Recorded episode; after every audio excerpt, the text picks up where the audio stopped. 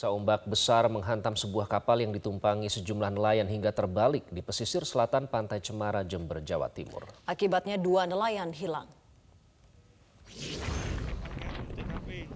Pemirsa puluhan warga di Pantai Cemara, Jember ramai-ramai mengevakuasi kapal milik nelayan yang terbalik akibat dihantam ombak besar. Perahu yang ditumpangi oleh empat orang nelayan ini terbalik pada saat melaut untuk mencari ikan. Kapal terbalik setelah dihantam ombak besar yang melanda kawasan Laut Selatan sejak satu pekan terakhir hingga membuat empat nelayan langsung tenggelam. Dua nelayan berhasil selamat sedangkan dua nelayan lainnya hilang terbawa ombak. Dua nelayan atas nama Ayub dan Shodik warga desa Mojomulyo, kecamatan Puger, hilang terbawa tingginya ombak di Laut Selatan ini. Tim gabungan dikerahkan untuk mencari kedua nelayan, namun tingginya ombak dan cuaca ekstrim sempat menghambat pencarian korban.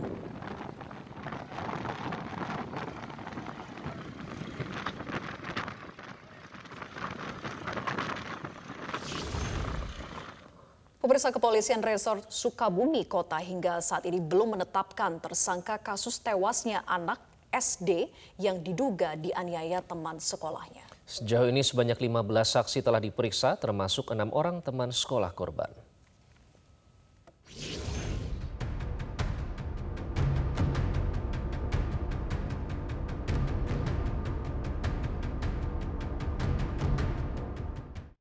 Pihak kepolisian Resor Sukabumi Kota masih terus mendalami kasus dugaan penganiayaan hingga menyebabkan siswa kelas 2 sekolah dasar berusia 9 tahun di Kecamatan Sukaraja, Kabupaten Sukabumi, Jawa Barat meninggal dunia.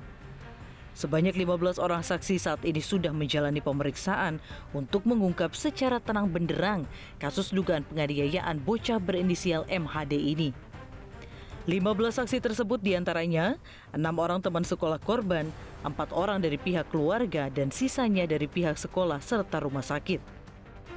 Meski telah mengantongi hasil visum, namun kepolisian belum bisa membeberkan secara rinci karena masih menunggu penyelidikan menyeluruh.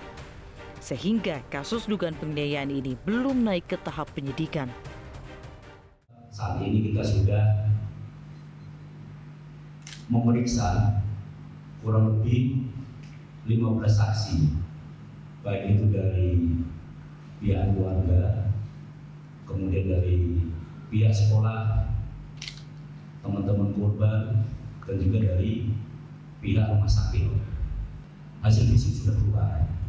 Namun saat ini kami tidak dapat menyampaikan di sini. Karena kami sekali lagi mau melaksanakan penyelidikan secara utuh. Sehingga kita memberikan kesimpulan juga secara utuh Sementara itu, dalam pertemuan yang dilakukan oleh Dinas Pendidikan Kabupaten Sukabumi bersama unsur terkait di Sekolah Dasar Negeri di Kecamatan Sukaraja sepakat menyerahkan kasus dugaan penganiayaan ini ke pihak kepolisian.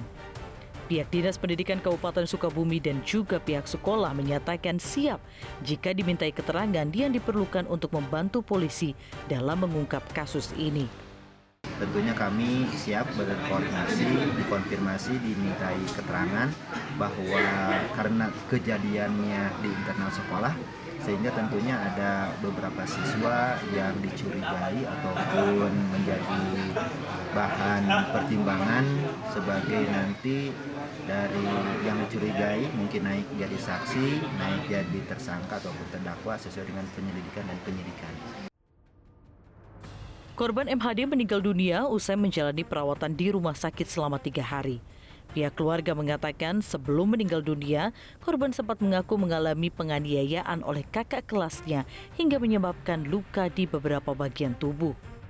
Setelah dokter menanya sampai empat kali, baru dia ngaku gitu, eh, akan itu dipukulin lah gitu.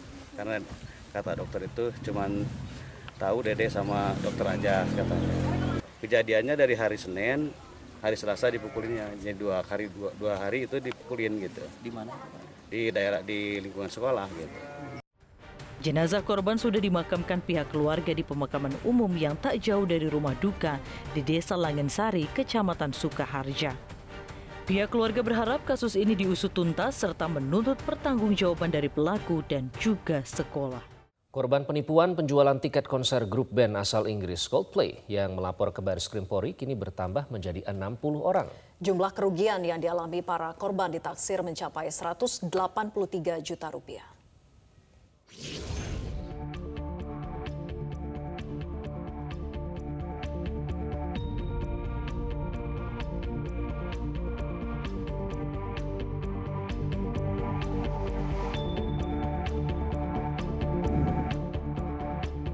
Penipuan bermodus jual beli tiket konser band asal Inggris Coldplay semakin marak. Puluhan orang yang menjadi korban pun akhirnya melapor ke Baris Krim Polri. Hingga 23 Mei 2023 tercatat sudah ada 60 korban yang membawa masalah ini ke jalur hukum. Saat ini yang melakukan ataupun yang memberi advokasi advokasi kepada kami ada sekarang yang awalnya hanya 14 orang, kemudian bertambah menjadi 60 orang dengan nilai kerugian yang awalnya 32 juta sekarang menjadi 183 juta rupiah. Maka dari itu kita menilai ataupun melihat ini ada dampak yang sangat masif. Salah satu korban, Arif, mengaku nekat membeli tiket Coldplay melalui jasa titip atau Justip lantaran tidak kebagian tiket dari jasa penjualan tiket resmi. Tingginya antusias untuk menonton konser Coldplay di Jakarta membuat korban langsung mentransfer uang kepada pihak Justip hingga akhirnya menjadi korban penipuan. Pertamanya itu saya kan gak, gak dapat tiket dari resminya, dari resminya gak dapat tiket. Nah, terus saya coba just tip di di Twitter. Terus saat, saat itu eh, pelaku sangat meyakinkan buat dia menjual tiket. Tapi nyatanya eh, dia itu penipuan. Dalam waktu dua hari di dikabari udah gak bisa langsung di blok nomornya berapa kerugian yang dialami uh, hampir 4 juta Para korban pun berharap agar kerugian yang mereka alami dapat dikembalikan, mengingat jumlah kerugian yang mereka alami tidak sedikit. Hingga saat ini Baris Krim Polri telah memanggil tujuh korban untuk dimintai keterangan. Nantinya Baris Krim juga akan memanggil vendor penjualan tiket online konser Coldplay terkait dugaan penipuan penjualan tiket konser grup band asal Inggris itu.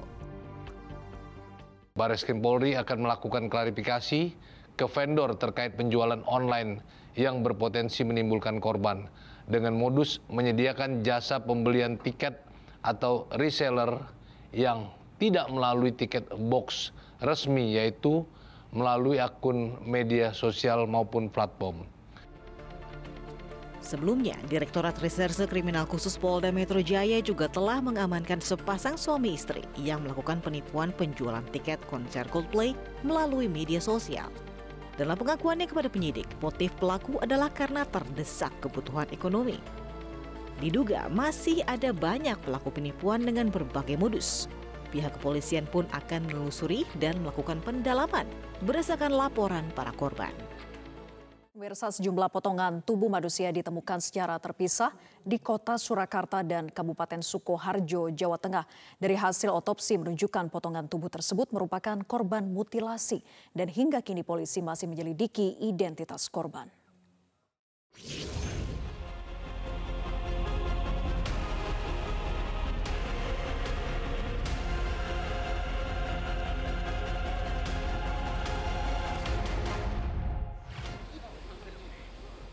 Penemuan potongan tubuh manusia tanpa identitas menggegerkan warga di Kabupaten Sukoharjo dan Surakarta sejak Sabtu 20 Mei lalu.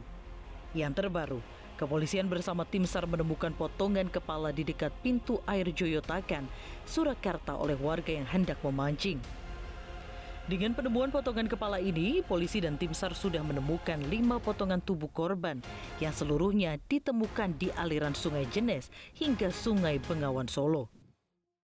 Tadi gimana Pak ketemunya Pak? Di sisi mana Pak? Yang apa? Kepala. Yang kepala, yang kepala. Sini. Apa? Pinggir gitu Pak. Pinggir. Tersandar batu atau apa? Pas di kali itu. Pas masih di air. Pas masih di air. Jam berapa tadi Pak ketemukan? Eh, Lima tiga puluh. Lima tiga puluh ya. Otopsi terhadap potongan tubuh yang ditemukan di sejumlah lokasi itu kemudian dilakukan oleh Pitokes Polda Jawa Tengah. Hasil otopsi menyatakan potongan tubuh itu berasal dari satu tubuh berjenis kelamin laki-laki. Ditemukan luka akibat benda tajam serta pendarahan di rongga kepala yang diduga menjadi penyebab kematian korban. Korban diduga dimutilasi setelah meninggal dunia. Jenazah ditemukan termutilasi dalam keadaan meninggal dunia dan ditenggelamkan. Sebab kematian adalah kekerasan benda tajam pada kepala bagian atas. Pada masyarakat yang mungkin mengetahui dengan tanda-tanda tersebut, tato lengan atas ada gambar naga dan sebagainya, silakan melaporkan pada pihak polisian terdekat. Sejauh ini polisi masih berupaya untuk mengungkap identitas korban yang sudah diketahui ciri-cirinya tersebut. Polisi juga masih menunggu laporan dari warga terkait anggota keluarga mereka yang hilang.